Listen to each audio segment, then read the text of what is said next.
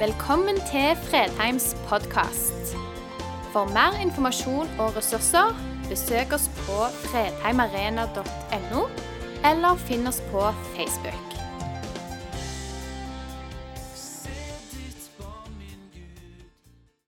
Dette er faktisk første gang jeg taler på G1. Det har jeg gleda meg lenge til. Jeg har eh, gått til denne forsamlingen i eh, Jeg starta i 2011. Jeg har talt ganske ofte på Zoomen. Taler ca. en gang i semesteret. Av og til litt oftere, av og til litt mindre. Jeg har talt en del på G2 mens det pågikk, men aldri før på G1. Så det, det gleder jeg meg til. Når jeg var jeg gikk på ungdomsskolen, ish, så hadde jeg funnet ut hvordan jeg skulle bli rik. Så jeg kjøpte meg et flakslodd. Jeg, bodde, jeg vokste opp i en plass hvor aldersgrense på sånne ting ikke det er litt sånn flytende. Og så tenkte jeg yes, nå, nå blir jeg rik. Nå er alle mine bekymringer for eh, billappen og bla, bla, bla, alt sånt der er vekke. Skapte det og vant ingenting. Jeg vant nesten en million. da. Jeg fikk to av tre. Ikke skjønte jeg at det er jo litt av trikset deres. Så jeg eh, Ja. Så var jeg på, eh, var jeg på ungdomsmøte, eh, og så lærte vi om dette her B, så skal du få-verset fra Lukas. Og så fant jeg ut yes, nå har jeg fått trikset. Så jeg kjøpte et flakslodd til.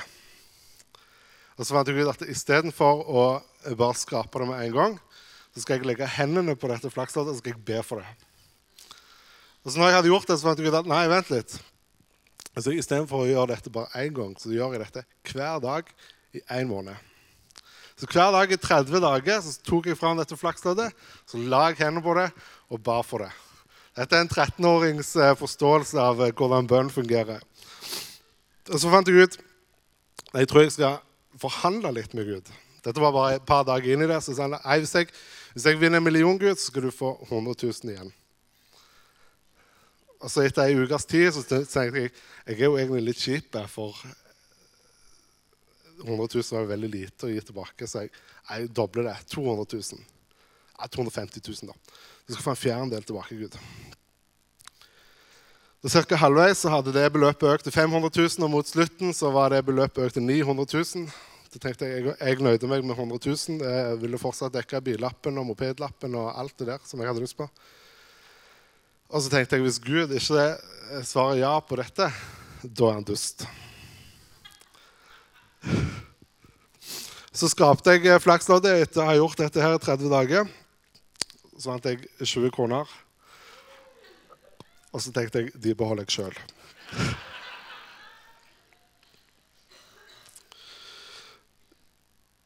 Min oppfatning av hva bønn var, hva det gjorde eh, var litt som om Gud som en kosmetisk brusautomat. Hvis du stappet nok innpå, hvis du var inderlig nok i bønnene dine, hvis du hadde nok følelser i bønnene dine, hvis du gjorde det ofte nok, hvis du gjorde det mye nok, så kunne du hente ut det du ba om. Det var, det var mitt inntrykk av bønn. Da. Heldigvis har det blitt mer nyansert i, i etterkant. Men spol litt, spol noen år fram til en litt mer moden, en litt mer voksen, som leser gjennom hele denne boka for første gang. Og når du gjør det, så er, det, så er det noen ting som du legger merke til, som utfordrer deg. Og en av disse tingene som utfordrer meg, det er et kjempekort vers på bare to ord. Det står i 1. Tessalonika kapittel 5, vers 17. Be uavbrutt. I sin kontekst så er dette noen vers som Paulus skriver til menigheten, i Tessalonika. Altså, avslutning på brevet så har han en sånne lister over ting som han sier til dem. Blant annet så står det, hvis vi leser fra 16 til 18, da. Vær alltid glade. Be uavbrutt. Takk Gud under alle forhold. For dette er Guds vilje med dere i Kristus Jesus. Det høres utrolig slitsomt ut. Er dere ikke enige? Vær alltid glad. Er det noen her som kan si at de alltid er glad? Jeg har behov for å være litt frustrert av og til.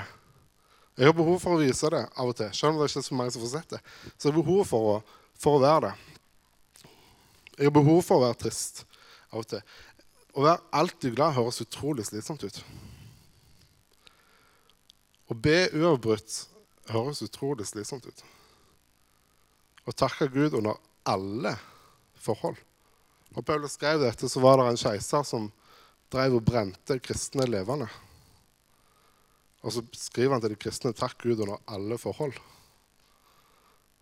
Det setter det litt i perspektiv.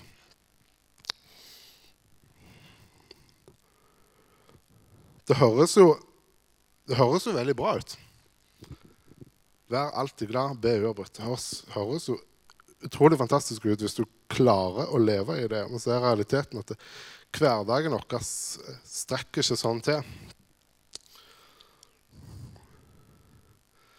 Men så står det der Be uavbrutt. Disse to ordene de står der. Og så er jeg på en måte Hvis jeg tror at dette er Guds ord, så er jeg på en måte nødt for å forholde meg til det òg. At det står der, og at det står der sånn. Be uavbrutt. I forberedelsen av denne så gikk jeg inn for å se hva For noen oversettelser bruker det, bruker det litt andre, ord noen har skrevet 'be alltid'. I en annen plass står det 'be alltid i ånden'. Så han legger til denne kritiske setningen 'i ånden'. Da. Jeg tenkte, ok, Når jeg ber, så betyr det at jeg skal på en måte aktivere Den hellige ånd i meg til å be. Men her står ikke det tillegget. Her står det bare 'be alltid'. Så jeg søkte det opp. Og altså, dette ordet som oversettes til 'uavbrutt' det, det, er på en måte et ord som står i en sammenheng med en aktivitet som er som en evig sirkel. Som aldri brytes. Som aldri brytes.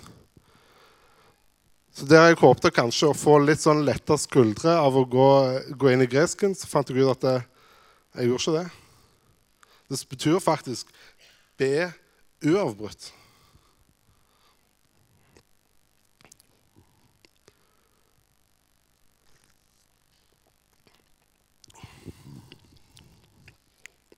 Jeg tror mange av oss tenker at bønn det er en sånn segregert aktivitet.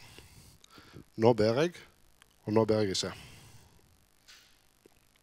Og det, er et, det er et bilde vi kan kjenne igjen fra Bibelen òg, mange ganger hvor de, og så går de videre til å gjøre noe annet. Jeg tror kanskje Et av de klassiske eksemplene eh, finner vi fra en gammel krigshistorie i Det gamle testamentet hvor eh, israelittene er i krig, som de ofte var. Og så hører de noe romestering borte i fiendeleiren. Og så lurer de på hva, hva er som skjer der borte. Og så holder de mønstring, altså de teller opp. Har med alle soldatene våre? Og så finner du ut at kronprinsen mangler. Kronprinsen og våpenbæreren hans, altså Jonathan, Sauls sønn, mangler. Og Da kaller de sammen prestene, for da, nå er det på tide, nå må vi be. Og så, mens de ber, så, sier, så, så, så på en måte bare øker ulyden der borte i fiendeleiren. Og så sier, så sier Saulus til presten nei, trekk tilbake hånden din. Som er en sånn Ikke, ikke hold hendene i lufta, men trekk det tilbake. Nå er det ikke på tide til å be lenger. ikke sant? Nå er det tid til handling. Nå må vi gå i strid. Her, der, vi må finne ut hva som skjer der borte. og så, Hvis det er en mulighet til å knuse dem, så må vi bare ta den. Og så gjorde de det. Men er sant, de ba, og så avslutta de det, og så gikk de til handling. Det bildet mange av oss har av bønn, det er noe som er en segregert aktivitet. Og samtidig så tror jeg hvis vi ser på Jesus sitt liv, den modellen han var for oss, så ser vi en holdning der om at han alltid har ei åpen linje til Gud. Han sier sjøl jeg kan ikke gjøre noe som jeg ikke ser far min gjøre. Jeg sier bare det som jeg hører far min sier. Og så lever han på den måten. Så vandrer han i en sånn uavbrutt bønn. Hvor han alltid er på sett og vis kobla på. Så har han også perioder hvor han går opp i fjellet for å være alene for å be. Vi ser to sider av samme mynt i hans liv.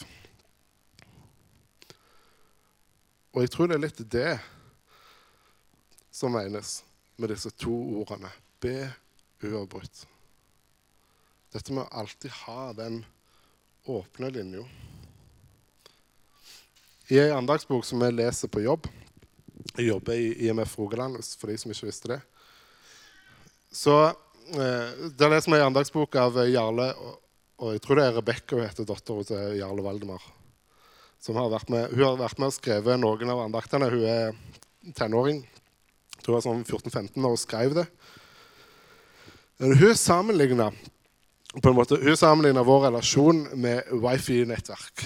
Vår relasjon med Gud med et wifi-nettverk. Og det å ha Jesus i hjertet var som å ha en wifi-ruter i hjertet ditt. Hvor forbindelsen alltid er der. Jeg syns egentlig, egentlig, det er et godt bilde. Når jeg sitter på, på PC-en min og jobber, så er internettforbindelsen den er der. Det er ikke sikkert jeg bruker den. Syns ikke jeg bruker Internett til noen ting den dagen, men han er der. Jeg er kobla på, selv om jeg ikke skulle bruke det. Og hvis jeg skulle bruke det, så er det bare Hvis jeg skulle bare ha behov for å google noe, så er det der med en gang. Og det, det tror jeg jeg kan se igjen i livet mitt òg. Mitt bønneliv har forandra seg dramatisk det siste Altså den tiden jeg har gått her da, fra 2011. Så har noe av dynamikken i det forandrer seg. Jeg vil si jeg har, jeg har færre av disse her segregerte, aktive bønnestundene hvor jeg sitter på knær og legger mitt hjerte framfor Gud. Men i mye større grad så lever jeg i en sånn Og så er det på en annen måte Jeg ber sjelden en time, men det går sjelden en time uten at jeg ber. Det er noe som har det har blitt en aktivitet i livet mitt. Bare, Jeg snakker med Jesus, akkurat som skulle vært på siden av meg. Sånn som hverdagslige ting. Det har blitt mye mer, Bønnelivet mitt har blitt mye mer hverdagslig. Og det kjenner jeg. Det er med å rotfeste meg. Det er med å gjøre Jesus som en større del av livet mitt. Det hjelper meg, sånn som jeg har snakket om, til å vokse nedover. For Jesus var en større del av hele livet mitt.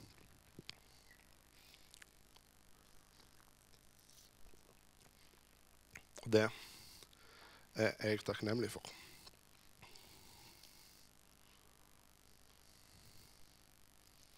Jeg tror den klokka der oppe stoppa. For nå har jeg ikke helt kontroll på hvor lang tid jeg har brukt. Så da får vi se hvor langt det blir. En annen ting som utfordrer meg i Bibelen, det er et annet kapittel som første gang jeg leste igjennom som jeg tenkte wow. Dette er noe annet enn det jeg alltid har, har hørt. Det er Jesajas kapittel 58. Der snakker han om faste. Dette med faste. Når jeg, når jeg har snakket med noen om hva faste er, så, så, hører jeg ofte Det jeg ofte hører, er at Nei, jeg funker ikke uten mat. Jeg blir helt sånn uh, tørna, eller jeg blir sur og irritert, eller Nei, det, det er for superkristne. Nei, det er å gå for langt. Og så tenker jeg, hva i all verdens slags holdning er det? Noe som, noe som Guds ord løfter opp som noe positivt og som noe godt for deg. Og så tenker du nei, det har, det har ikke jeg lyst til å ta del i. Ja vel. Det Suit yourself. Greit for deg. Hvis Gud løfter det opp som noe positivt, så har jeg lyst til å ta del i det. For det gjør han. I Isaias kapittel 58 så tar Gud et oppgjør med israelittene og deres holdninger rundt faste. Hvordan de praktiserer faste. Så spør han de retorisk. Er dette fasten jeg har valgt, en dag da mennesket plager seg selv? bøyer hodet som et siv og legger seg i sekk og aske. Kaller du dette for faste og en dag etter Herrens vilje? Nei, Dette er fasen jeg har valgt. Å løse urettferdige lenker, sprenge båndene i åket, sette undertrykte fri og bryte hvert åk i stykker. Og dele litt brød med sultne og gjøre hjelpeløse og hjemløse komme i hus. Du skal se til den nakne og kle ham. Du skal ikke snu ryggen til dine egne. Da skal lyset bryte frem for deg som morgenrøden. Brått skal helbredelsen komme. Din rettferd skal gå foran deg, og Herrens herlighet følge etter deg. Da skal du kalle, og Herren skal svare. Du skal rope, og han skal si, 'Her er jeg'. Det er noe av løftet som er knytta til fasten. Og så, og så utfordrer han dem på at det handler ikke om å plage seg sjøl. Men det handler om å gjøre noe av det som Gud alltid har løfta opp. Og det er å gjøre noe med urettferdigheten i denne verden. Det er det som er en faste etter Herrens vilje.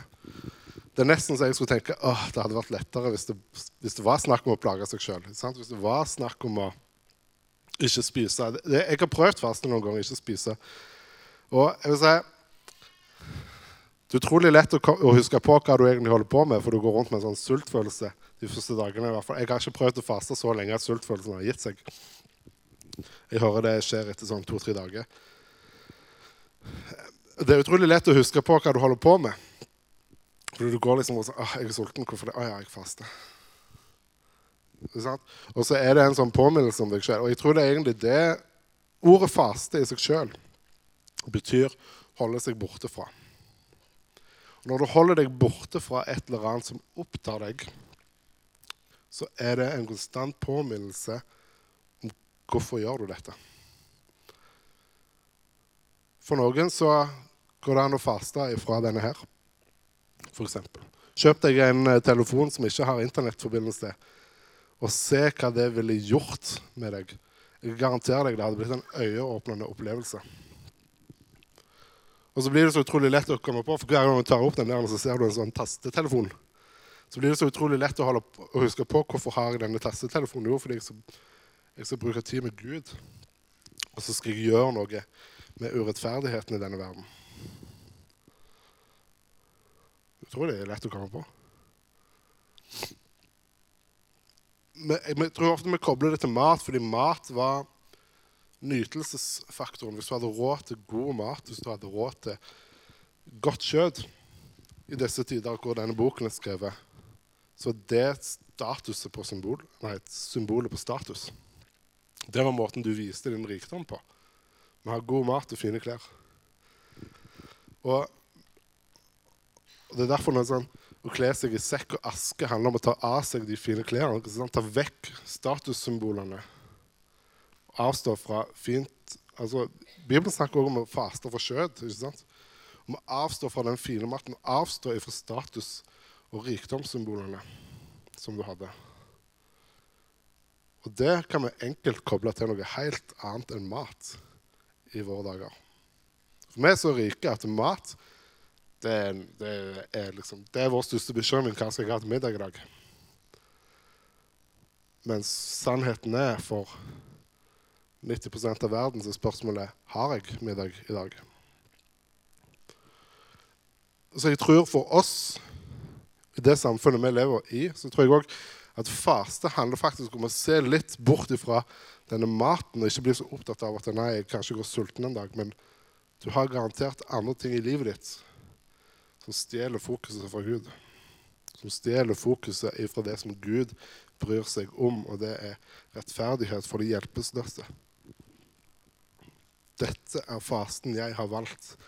Å løse urettferdige lenker, sprenge båndene i åket, sette undertrykte fri. Hvordan ville det sett ut hvis vi hadde fasteuke på Fredheim? Og prøvde å gjøre det i ei uke? Jeg vet nesten ikke vi vet hvor vi skulle begynt engang. For mange så ville det vært noe Da ville det vært mange her inne som kunne kjent på den og behovet for å bli satt fri. Som dere hører, så har jeg litt sånn Jeg er på bedringens vei fra en sykdom, kan man vel si. Så nå tok jeg akkurat et drops for å prøve å holde noen minutter. Og jeg har, jeg har hørt en, hørt en, eh, en som alltid, når han begynte talen sin, så tok han et drops. Så la han det opp her i snuslommen.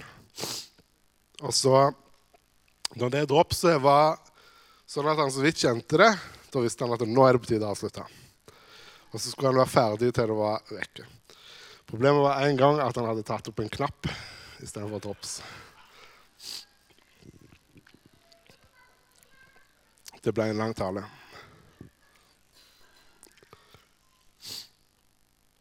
Jeg vet ikke hvor du er i dette landskapet når vi snakker om be uavbrutt og dette med faste.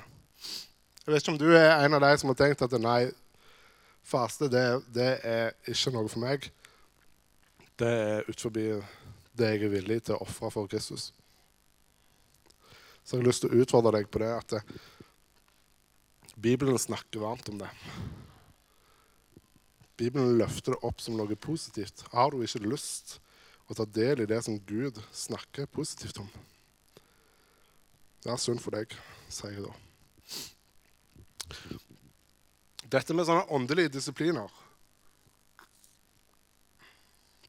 det, altså Dette her med å, å sette av tid til bønn, å ligge på kne og be og tømme hjertet sitt for Gud eller det å ha en holdning om at eh, jeg lever i en sånn konstant bønn.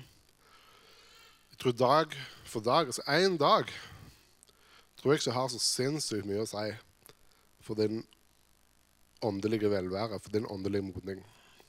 Det å prøve å faste én gang tror jeg ikke har så veldig mye å bety for din åndelige modning. Jeg kan sammenligne det litt med det å pusse tennene. Det å pusse tennene dine én gang betyr nesten ingenting for din tannhelse. Det å pusse tennene dine hver dag, to ganger til dagen, det har enormt mye å si for din tannhelse.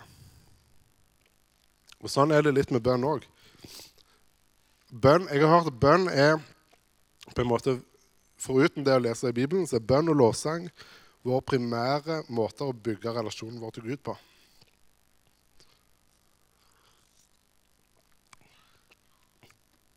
Og jeg tror ikke det er at det, Og det er det jevne. Dette er med be uavbrutt. Vær uavbrutt i en sånn relasjon. Sett av noen minutter hver dag. Hver dag så ofrer jeg ca. 4-5 minutter for å pusse tennene mine. Jeg gjør det fordi jeg, gjør det fordi jeg er oppvokst til det. Jeg har lært det. Men jeg fortsetter å gjøre det fordi jeg tror det har en positiv effekt på helsa mi. Jeg tror det har en positiv effekt på tennene mine.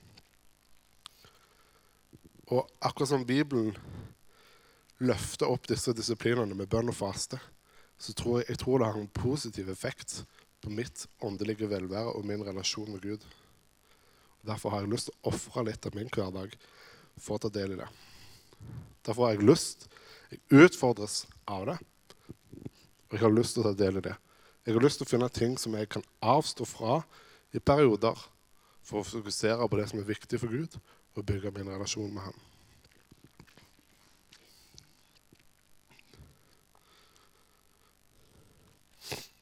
Avslutningsvis så skal dere få med et siste vers. Jeg vet som sagt ikke hvor du er i dette, men det gjør du. Jeg, jeg forstår ikke, eller jeg vet ikke hva samvittighet du har i forhold til disse tingene, hva du kjenner på, hva du lengter etter. Men det gjør du. Du vet hva som ligger bak, og du vet hva som kan ligge foran. Jeg har lyst til å utfordre deg på det, og så har jeg lyst til å gi deg helt avslutningsvis et siste vers fra Filippane kapittel 3, vers 13. Mine søsken, jeg tror ikke om meg selv at jeg har grepet det. Men én ting gjør jeg. Jeg glemmer det som ligger bak, og strekker meg etter det som er foran. Det var Paulus sjøl som skrev de versene. Han kunne en og to ting om disse tingene. Herre, vi løfter ditt navn og priser deg for den du er. Takker deg for at eh, vi kan være kontinuerlig sammen med deg. At du ikke er en Gud som er fraværende, men du er nær. Så ber jeg deg om at du utfordrer oss på disse tingene. Du viser oss mer hvem du er, og hvordan dette kan se ut i våre liv.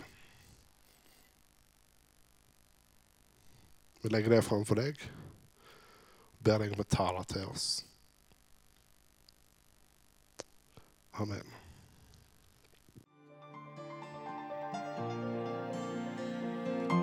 Takk for at du valgte å høre på. Nye opptak legges ut hver uke. Vi har gudstjenester hver helg, og du er hjertelig velkommen.